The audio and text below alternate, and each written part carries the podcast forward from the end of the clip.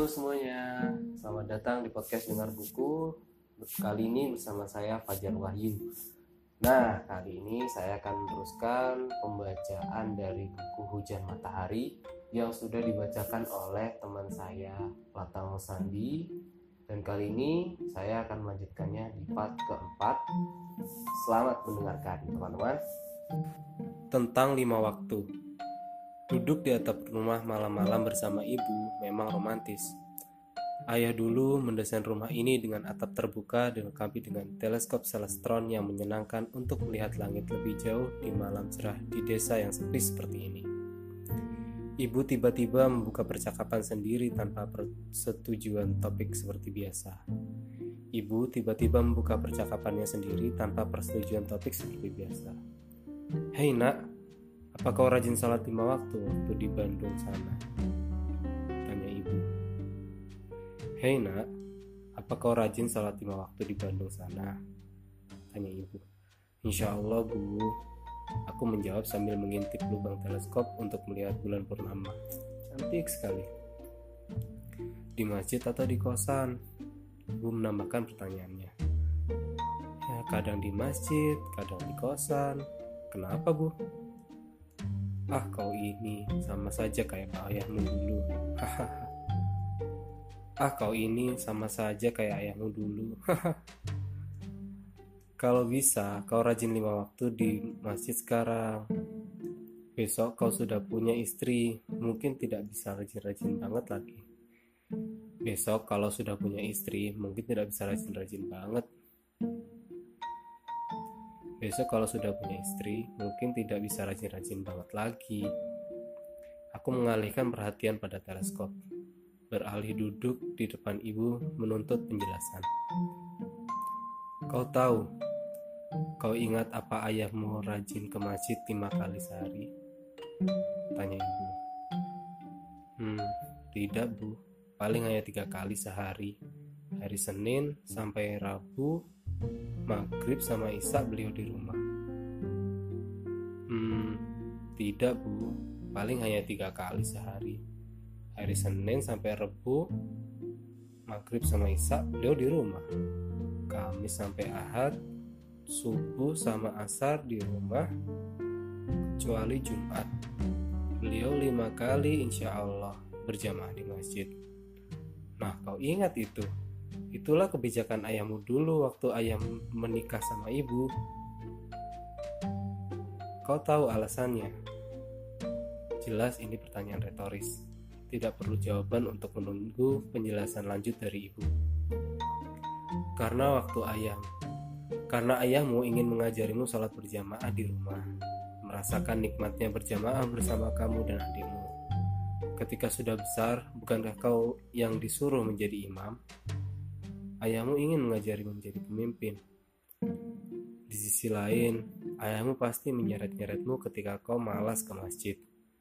Jika tidak ada salat berjamaah di rumah. Kau ingat bukan? Makanya sebelum kau menikah, rajin-rajinlah berjamaah di masjid. Kelak, kalau sudah menikah, kau akan memikirkan pertimbangan-pertimbangan seperti ini. Anak-anakmu harus tahu rasanya salat berjamaah bersama di masjid dan kehangatan salat berjamaah di rumah. Kau tentu tidak akan meninggalkan istri dan anak-anakmu di rumah sementara kau rajin berjamaah di masjid, bukan? Aku tersenyum. Akhir-akhir ini ibu sudah banyak bicara masa depan. Ya, aku sudah lulus dan bekerja. Menunggu apa lagi? Begitu katanya. Lantas aku kembali ke teleskopku.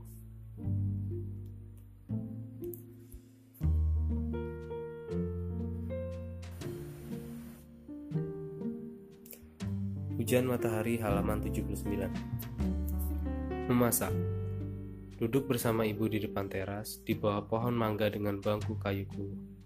Sejak kecil di, di bawah pohon mangga dengan bangku kayuku sejak kecil tentu, tentu saja malam hari selepas isya adalah waktu paling menyenangkan tahun-tahun belakangan ini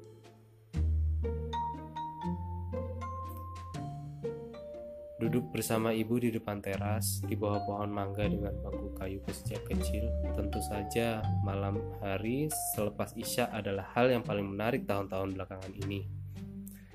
Semenjak kuliah dan bekerja, aku hanya hanya memiliki waktu-waktu yang lebih sedikit bersama beliau. Dulu di sini adanya ibu bercerita tentang dongeng. Segala benda bisa dia hidupkan dengan cerita. Dulu di sini adanya ibu bercerita tentang dongeng. Segala benda bisa dia hidupkan dengan cerita. Dulu di sini adanya ibu bercerita tentang dongeng. Segala benda bisa ia hidupkan dalam cerita. Namun kali ini adalah gelitra namun kali ini adalah giliranku bercerita. Malam di mana ibu akan memberikan keputusan penting terhadap anak semata wayangnya. Jadi, siapakah dia, nak? Perempuan yang bakal jadi menantu ibumu ini? Tanya ibu tiba-tiba. Hmm, dia temanku. Lebih muda tiga tahun. Kenal waktu masih kuliah. Kapan kau mau kenalkan sama ibu? Mungkin minggu depan, Bu. Ibu ada acara tidak? Kita pergi ke rumahnya ya. Ibumu kan sudah pensiun. Masak adalah acara sok sibuk. ibu kan sudah pensiun. Masak adalah acara sok sibuk ibu.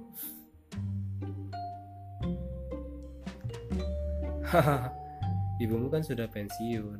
Masa ada acara sok sibuk? Pembicaraan ini sempat terhenti tanpa ada apa-apa selama dua menit. Ibu diam-diam memperhatikan. Kau kenapa nak? Apa yang kau pikirkan? Kau kenapa nak? Apa yang kau pikirkan?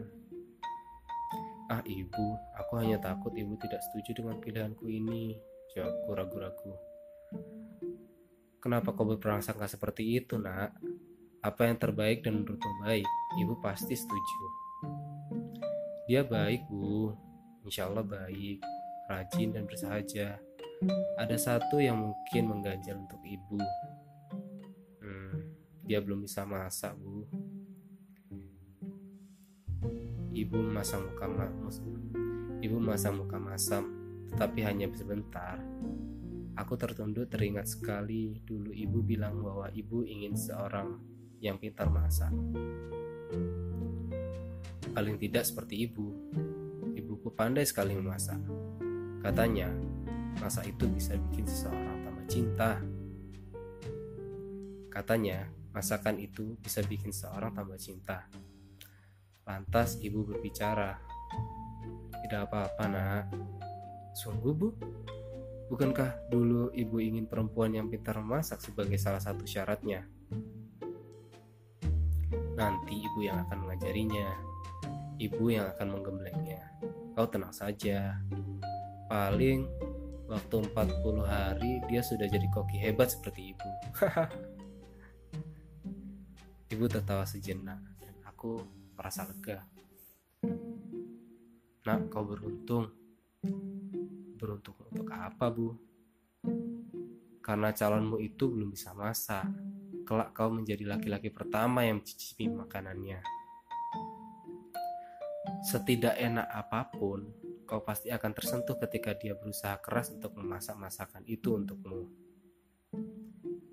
Kau adalah laki-laki yang beruntung karena merasakan masakannya pertama kali. Ibu bisa saja. Terima kasih, Bu. Lagi pembicaraan itu terlanjut.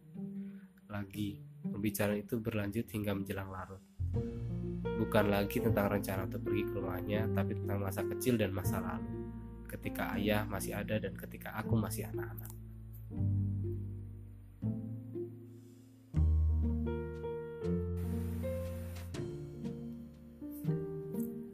Hujan Matahari halaman 81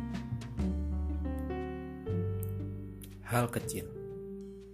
Di suatu hari di, di suatu hari di musim semi di Indonesia Ceritanya Indonesia ada empat musim Seorang anak laki-laki berjalan bersama ayahnya.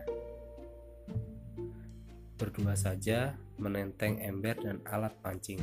Sepanjang jalan anak itu bertanya banyak hal pada ayahnya. Beruntung ayahnya tidak bosan menjawab. Tiba-tiba sang ayah berhenti. Melihat seorang anak kecil yang membeli es krim kemudian membuang uang kembalian berupa sekeping 50 rupiah.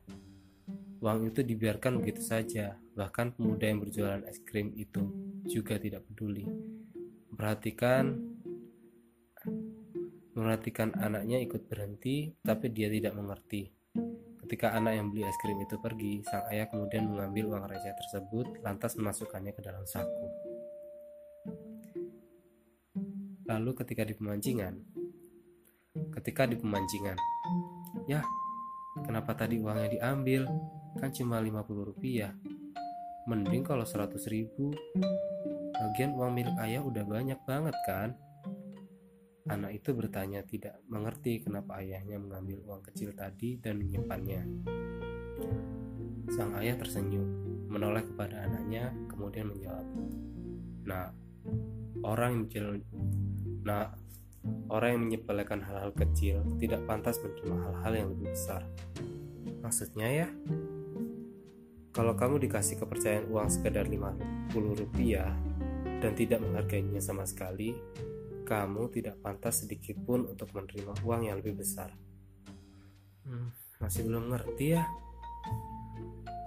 Hmm, bukankah kamu sering, sering bukankah kamu sering lihat nak orang yang diberikan amanah sederhana bahkan terlihat sepele tapi tidak dilaksanakan dengan baik. Orang yang diberikan amanah yang sederhana bahkan terlihat sepele tapi tidak dilaksanakan dengan baik tidak dikerjakan, atau justru dia malah meninggalkan amanah itu. Orang seperti itu tidak pernah pantas untuk menerima amanah yang lebih besar. Hmm, masih bingung ya? Kelak kamu akan mengerti. Jangan pernah menganggap sederhana hal-hal kecil. Dosa kecil itu bukanlah hal seger, Dosa kecil itu bukan hal sederhana, nak.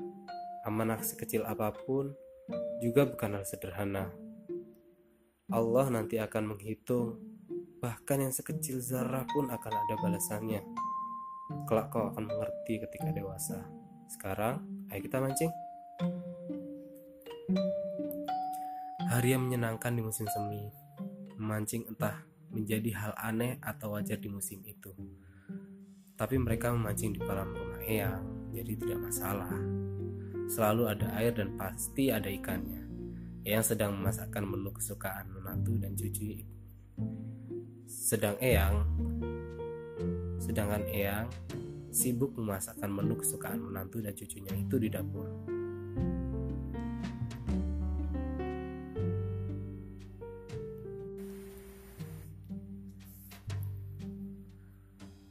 Hujan Matahari halaman 83 Cerita ekspektasi dan realita Suatu ketika di usia beranjak dewasa, seorang anak laki-laki duduk di sebuah teras dengan ayahnya. Anak itu aku bertanya kepada ayahnya tentang perempuan untuk pertama kalinya. Ekspektasi dengan bersemangat ayah menerangkan yang itu. Ekspektasi dengan bersemangat ayah menerangkan apa itu perempuan dengan segala pernak-perniknya, sifat dan cirinya. Seolah tahu banyak hal yang sangat meyakinkan seolah tahu banyak hal dan sangat meyakinkan. Realita, dia cuma menoleh kemudian tertawa. Aku bertanya tentang bagaimana cara untuk berkenalan dengan perempuan, ekspektasi. Ayah bercerita tentang masa mudanya serta memberi jurus-jurus ampuh untuk mendekati makhluk bernama perempuan. Jurus rahasia yang dia gunakan untuk menaklukkan ibu. Realita, dia bilang aku bodoh karena untuk seperti realita dia bilang aku bodoh karena untuk hal seperti itu. Realita dia bilang aku bodoh karena hal realita dia bilang aku bodoh karena untuk seperti itu saja aku tidak bisa. Lalu aku bertanya tentang bagaimana menyatakan cinta kepada perempuan.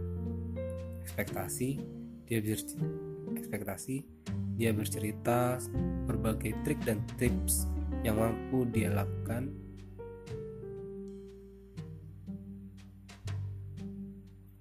Yang manjur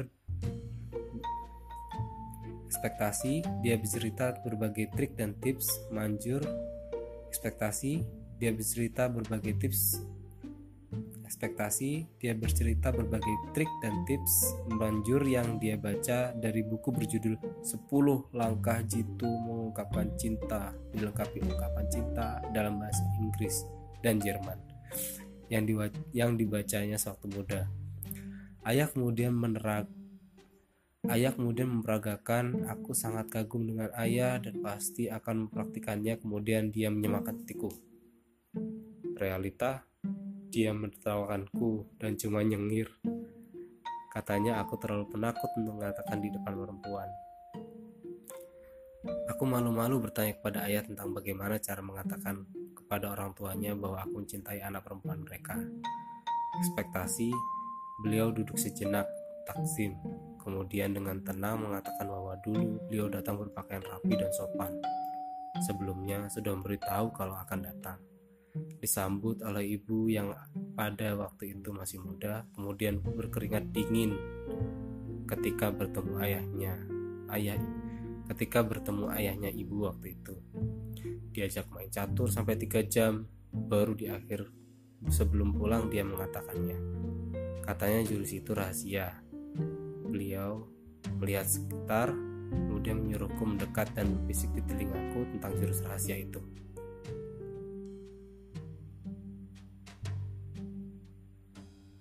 Aku senang bukan main. Minggu depan akan aku laksanakan. Ayah mengajukan jempolnya.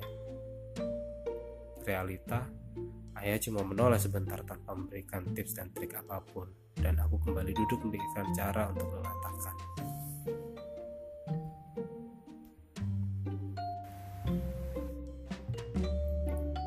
Hujan Matahari halaman 85 Kukira hujan Aku sudah mengira hari ini akan hujan.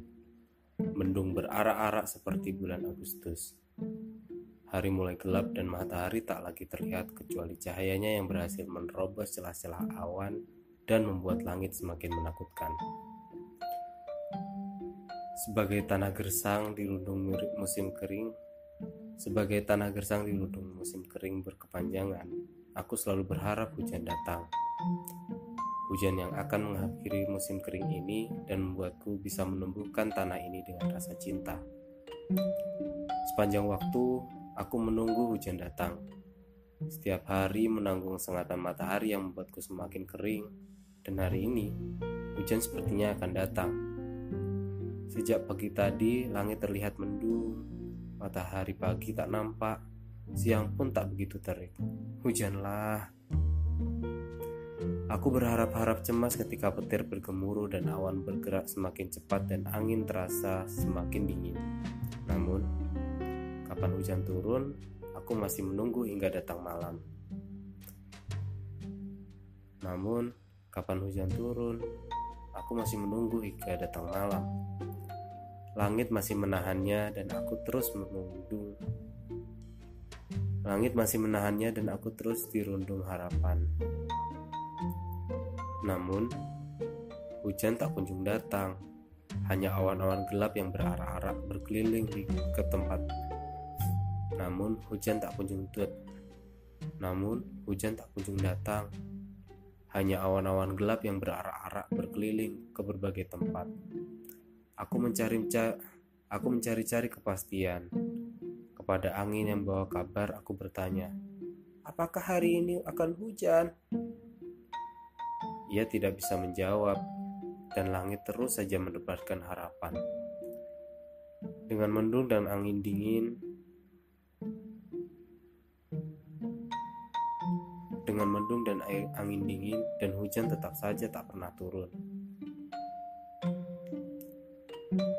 Ia tidak bisa menjawabnya dan langit terus saja menebarkan harapan dengan mendung dan angin dingin dan hujan tetap saja tidak pernah turun. Langit hanya langit hanya menebar harapan. Aku tidak tahu. Sepertinya langit memang begitu dan seluruh bentangnya dari seluruh bentangnya dia menebar harapan yang sama kepada semua tanah yang gersang dan tak satu pun hujan turun. Hanya gerimis sesekali yang membesar hanya gerimis hanya gerimis sesekali yang membesar harapan akan hujan. Namun ternyata tidak sama sekali. Aku berkata kepada langit yang hendak mendung lagi di kemudian hari. Jika tak ingin hujan, tak perlulah kau mendung seperti itu, menumbuhkan harapan padaku yang pupus begitu saja. Langit hari itu berkata, Kau saat ini di langit bulan Oktober, aku tak seperti langit bulan-bulan sebelumnya. Aku tidak akan mengecewakan harapanmu, duhai bumi. Matahari terik sekali siang ini, dan aku benar-benar merasa dibohongi lagi oleh langit. Hujan, hingga sore menjelang, langit mendadak gelap dan petir bersahutan. Hujankah? Tanpa gerimis lebih dahulu, langit hujan sepanjang malam. Tanpa gerimis terlebih dahulu, langit hujan sepanjang malam. Dan esok paginya, aku bertemu pada langit di tempat yang sama. Terima kasih telah mendapati janji. Langit berkata, setiap hujan ada waktunya masing-masing dan tempatnya masing-masing. Bukankah hujan menjadi perantara yang menghubungkan antara bumi dan langit? Sesungguhnya sesuatu yang kata manusia sulit untuk bertemu. Laki-laki yang menunggu hujan. Jika kita andaikan laki-laki sebagai tanah, perempuan adalah hujan. Tanah yang mengalami kemarau berkepanjangan, musim hujan tiada kunjung datang musim hujan pun, tanah yang mengalami kemarau berkepanjangan, musim hujan tiada kunjung datang. Jika sesekali langit mendung lantas awan hitam berarak-arak, ketika itulah harapan itu terbit. Tapi sungguh siapa sangka, mendung tidak berarti hujan bukan? Tanah murung dalam penantiannya hingga hampir putus asa. Dia bergerak berpindah, berharap menemukan hujan di belantara bumi yang lain. Nyatanya, sepanjang perjalanannya, ia bertemu mendung berkali-kali, berharap berkali-kali, dan patah hati berkali-kali. Seandainya tanah bersedia, ia tentu akan menggunakan ilmu pemanggil hujan, sejenis sihir hitam untuk mendatangkan hujan deras. Namun, sungguh hujan seperti itu sama sekali tidak menyejukkan, apalagi mendamaikan. Tanah menjadi enggan. Ia hanya sujud berkali-kali, berharap hujan datang mengobati dirinya yang semakin kering dan retak. Kehilangan kehidupan. Ia hanya sujud. Ia hanya sujud berkali-kali, berharap hujan datang mengobati dirinya yang semakin kering dan retak. Kehilangan kehidupan. Kita semua belajar tentang musim. Pada akhirnya, musim memang akan datang, tapi tak kapan Memang pada akhirnya tanah akan bertemu dengan awan-awan mendung. Berkali-kali memang ia bertemu mendung. Tapi berkali-kali pula ia tidak berhenti berharap semoga hujan turun. Kau tahu bagaimana perasaannya? Sama seperti ke anak-anak pada musim kering tiba-tiba hujan turun dan mereka menikmati hujan dengan bermain dan mengedah men, dan menengadahkan wajahnya ke langit. Tetesan yang langsung menerpa wajahnya betapa nyaman dan bahagianya. Gerimis datang sedikit-sedikit seperti menjadi hujan. Tanah tidak menangis, ia tidak mampu menahan kebahagiaannya. Sebentar lagi kehidupan akan bersemi di atasnya. Berbagai macam pohon harapan. Kini ia merasa berharga, begitu berarti. Sebab hujan, hujan, kapan datang? Hujan, kapan datang? temanku hujan. Setiap kali aku berjalan bersamamu, kemudian bertemu dengan orang baru, selalu mengesalkan. Mengesalkan bagiku tentu saja karena selalu saja aku berharap untuk di mengesalkan bagiku tentu saja karena selalu saja aku berharap untuk memperkenalkanmu bukan sebagai orang lain. Hmm, ceritanya begini. Di perpustakaan kampus. Di perpustakaan kampus Wah, tumben sendirian. Wah, tumben gak sendirian, Mas. Cie. Oh, ini temanku kok, Mbak. Kenalin. Aku mengenalkanmu kepada penjaga perpustakaan yang sudah hafal sekali dengan hujan. Katamu sambil katamu sambil mengulurkan tangan. Di kafe langganan. Wah, siapa ini mas? Calonnya ya? Ngawur teh, kenalin ini temanku Hujan. Mau pesan tempat yang biasa ya, mau rapat nih. Dan kamu tersenyum seperti biasa, kemudian mengulurkan tangan. Nama teteh unik, ucap waiters yang sudah kenal denganku itu. Di pendaftaran seminar nikah, teh mau daftar untuk seminarnya dong. Oh iya silahkan, wah sama calonnya ya kak. Tugas itu pun lirikku. Kamu tersenyum seperti biasa, diam saja. Bukan teh, ini teman sekampus. Aku buru-buru prasangkanya. Wah, kalau iya juga nggak apa-apa kok, Kang. Ini siapa nama tetehnya? Hujan, jawabku lembut. Di angkutan kota. Wah, ada kamu, mau ke mana? Loh, ada hujan juga, mau ke mana? Sapa seorang teman perempuan yang tiba-tiba masuk. Mau ke toko buku nih, jawabku. Sudah hafal sekali denganku. Hujan, katamu sambil mengulurkan tangan. Di kafe langganan. Di kafe langganan. Wah siapa nih mas, calonnya ya? Wush, ngawur teh, kenalin ini temanku, Hujan. Maksud mau mau pesan tempat yang biasa ya, merapat nih. Dan kamu tersenyum seperti biasa. Oh, mudah ini.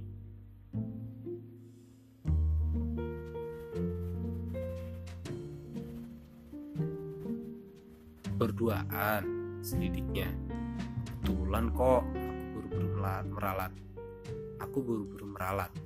Kamu tersenyum. Oh. Kalau nggak kebetulan juga nggak apa-apa kok katanya. Kemudian tersenyum penuh arti hm, jangan mikir yang aneh-aneh. Aku buru-buru membenarkan pikirannya. Kamu ketawa. Di rumah belajar. Wah kakak datang. Rio anak-anak. Aku menyambut dan menerima cium tangan dari anak-anak sebelum mereka menyadari kehadiranmu. Kakak cantik ini siapa? Pacarnya ya? Tanya salah seorang anak. Eh bukan, pacaran kan gak boleh. Ini teman kakak. Hari ini kakak cantik ini akan main bareng sama kita. Aku menjawab pertanyaannya dengan nada anak-anak. Wah asyik, serunya dan serta serunya dan serta merta mengajakmu bermain di salah satu sudut. Aku tersenyum dan kamu mulai bermain dengan anak-anak. Masih di rumah belajar. Hmm, itu bawa teman apa teman? Tanya Teh Wikan, ibu asuh rumah belajar ini. Teman kok Teh, sekampus. Jawabku mengalihkan perhatian. Oh, gantung. Di hari wisuda. Wah, terima kasih bunganya. Aku menerima Aku menerima setangkai bunga matahari darimu. Wah, ini siapa cantik sekali, tidak dikenalin sama ibu. Tiba-tiba ibu nongol. Oh, kenalin bu, ini Hujan, teman sekampus. Oh, temannya, kirain calonnya. Ya udah, ibu ke sana dulu ya, menemenin ayah makan. Ibu meninggalkan kamu berdua dalam Ibu meninggalkan kami berdua dalam kekikukan. Di Masjid Salman, Hujan terima kasih sudah datang. Ini hujan beneran pula. Kita berdua berteduh selar. Kami berdua berteduh di selara. Kami berdua berteduh di selasar yang sangat rindang di luar sana gerimis. Kami berdua berteduh di selasar yang sangat rindang. Di luar sana gerimis turun tiba-tiba. Kamu tersenyum seperti biasa. Hujan, aku bosan menjadi temanmu. Aku mengucapkan Aku mengucapkannya tiba-tiba dan kamu menatapku lekat-lekat. Aku tersenyum, tidak seperti biasanya. Bapak Bapak adalah laki-laki paling khawatir saat anak perempuannya jatuh cinta. Ketika usia anaknya bertambah menjadi kepala dua, bukan kepalang beliau siang malam memikirkan segala kemungkinan. Laki-laki seperti apa yang akan datang? Laki-laki seperti apa yang akan datang? Laki-laki seperti apa yang akan anak perempuannya nanti ceritakan? Cerita yang mau tidak mau seperti petir di laut. Cerita yang mau tidak mau seperti petir di lautan siang-siang. Kekhawatiran itu tidak berlebihan, sebab sepanjang pengetahuannya tidak ada laki-laki yang baik di dunia ini kecuali dirinya sendiri. Untuk kali ini, Bapak boleh menyembuhkan diri karena menyatakannya memang karena kenyataannya memang begitu. Tidak ada laki-laki yang cintanya paling aman selain Bapak. Ibu sendiri mengakuinya. Bapak adalah laki-laki yang paling takut anak perempuannya jatuh cinta. Laki-laki mau sebaik apa pun tetaplah brengsek baginya. Berani-beraninya membuat anaknya jatuh cinta pula.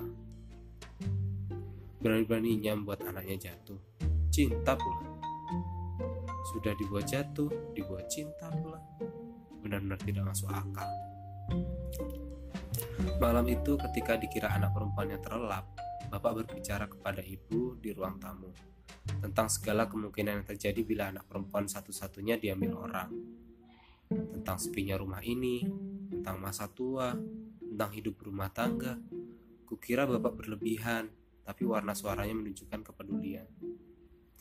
Aku yang sedari tadi pura-pura tidur mendengarkan. Semoga aku bertemu dengan laki-laki yang lebih bijaksana dari Bapak. Karena aku membutuhkan kebijaksanaannya untuk memintanya tidak meninggalkan Bapak dan Ibu sendirian. Kuharap ada yang mengaminkan.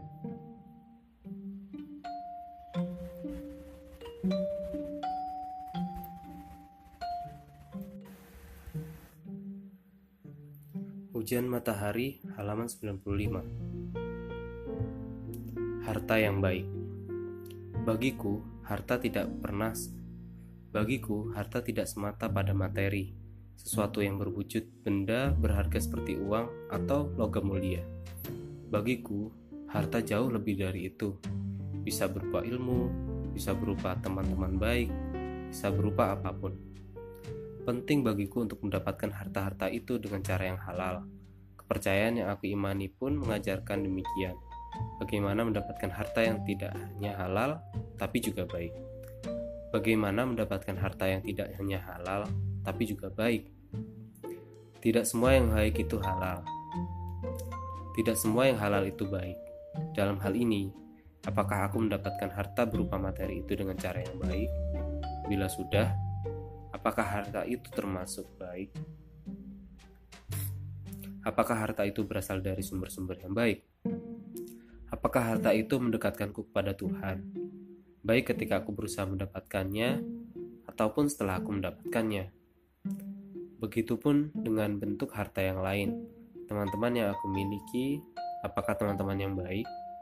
Dari lingkungan yang baik, apakah ketika aku berteman dengan mereka, membuatku menjadi semakin dekat dengan Tuhan, atau sebaliknya.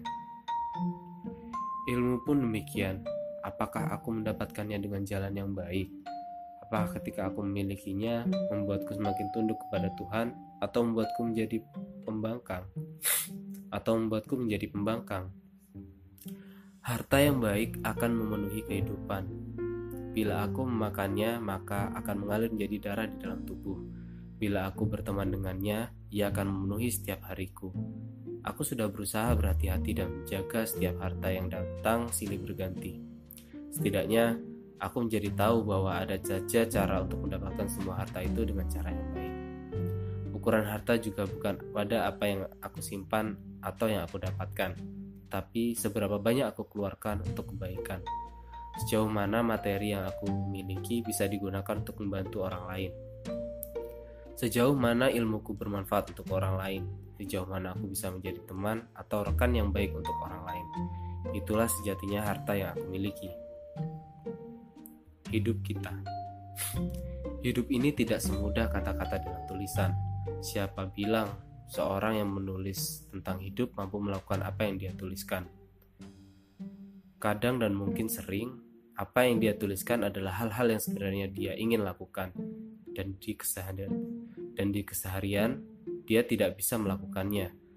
Hanya memendamnya tanpa bisa menggerakkan langkah kakinya. Hidup ini tidak semudah kata-kata dalam tulisan. Tidak ada yang pernah tahu apa yang terjadi di balik proses mengalirnya kata-kata ada yang harus menderita bertahun-tahun ada yang harus ketakutan bertahun-tahun ada yang harus bersembunyi dari setiap orang takut melihat dunia kita tidak pernah bisa melihat rahasia kecuali menjadi rahasia itu sendiri. Hidup ini tidak semudah cerita dalam buku-buku. Kita tidak bisa kita menjadi kita tidak menjadi tokoh di sana. Kita adalah orang yang berbeda. menulis ceritanya sendiri, memendam aibnya sendiri, memendam perasaannya sendiri. Kita hanya membaca, tidak lebih dari itu. Kita hanya bisa mengambil pelajaran di sana. Namun sungguh, hidup ini tidak semudah tulisan itu sekalipun. Bahwa kehidupan memiliki banyak kemungkinan. Bahwa kita tidak bisa membaca halaman akhir hidup kita terlebih dahulu sebelum membaca dari awal. Hidup tidak mudah bagi setiap orang, tidak mudah untuk menjalaninya, sebagaimana kita sendiri menjalani hidup kita. Hanya saja, mereka tidak mau menunjukkan ketidakberdayaannya di depan kita.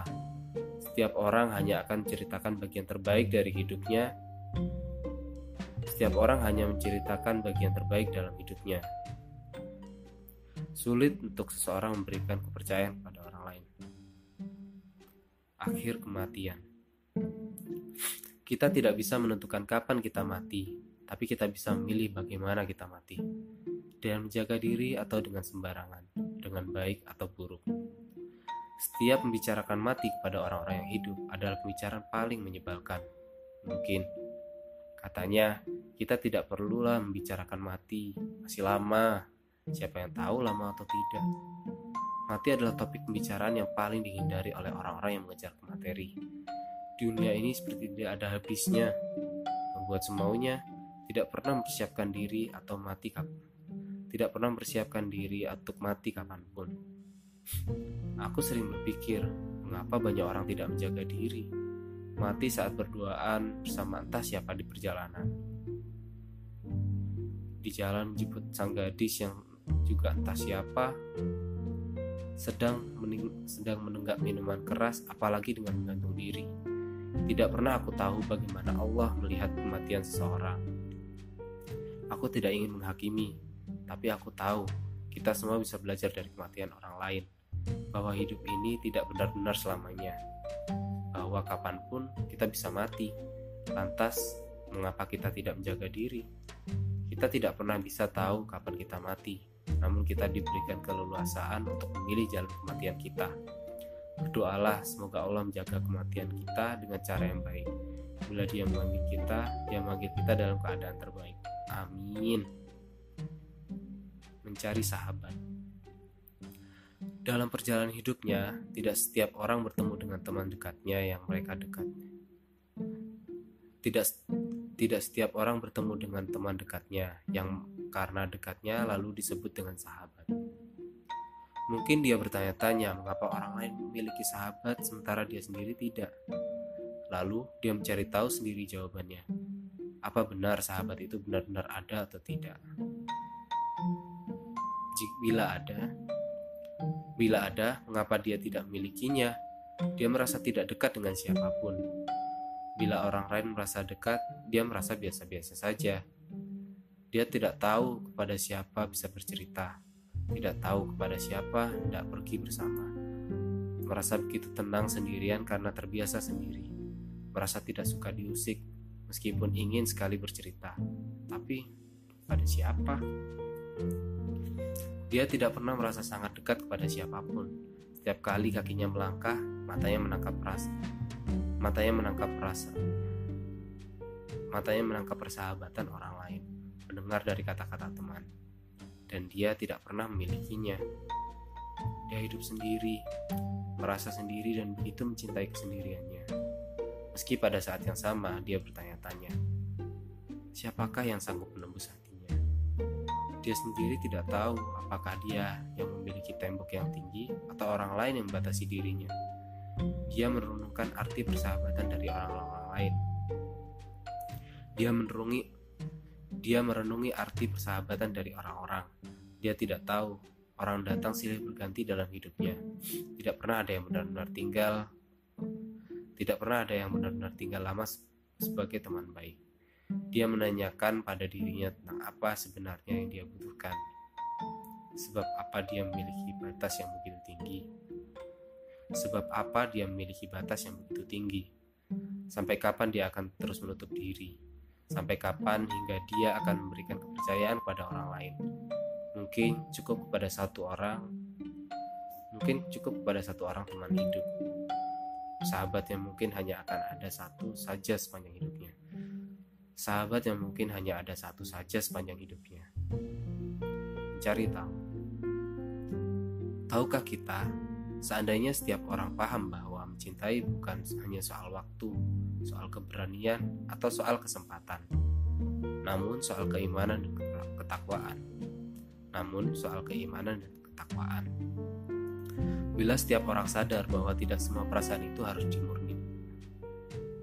Bila semua orang sadar bahwa tidak semua perasaan itu harus dituruti, tidak harus dikatakan, tidak harus ditindaklanjuti, maka sudah aku bilang, urusan ini bukan sekadar urusan waktu dan keberanian, tapi urusan keimanan dan ketakwaan.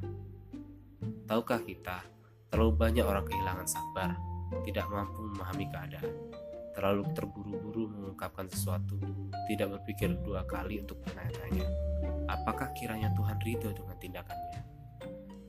Tahukah kita, pada akhirnya orang bisa pada akhirnya, orang yang bisa bersama kita bukanlah orang yang lebih cepat atau lebih lambat, namun dia yang bisa mengiringi langkah kita.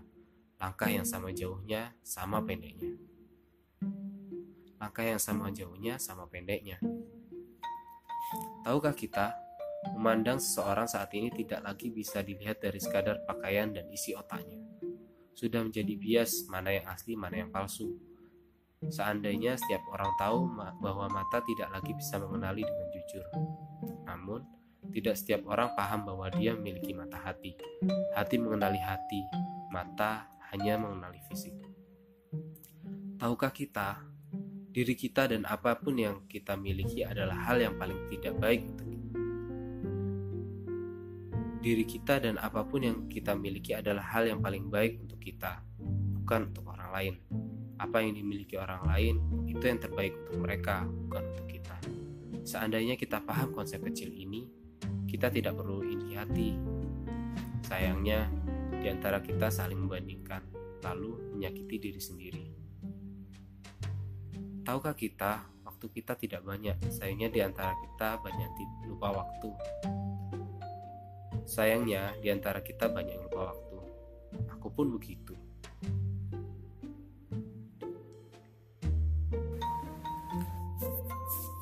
Nah, demikian tadi pembacaan buku kali ini. Semoga uh, kita bisa mengambil pelajaran dari apa yang telah kita dengarkan barusan. Dan terima kasih karena sudah mendengarkan sampai akhir, teman-teman. Dan support kami terus bisa komen juga di channel ini doakan kami bisa tetap istiqomah dan kami bisa memberi manfaat buat teman-teman sekalian. Terima kasih. Wassalamualaikum warahmatullahi wabarakatuh. Dadah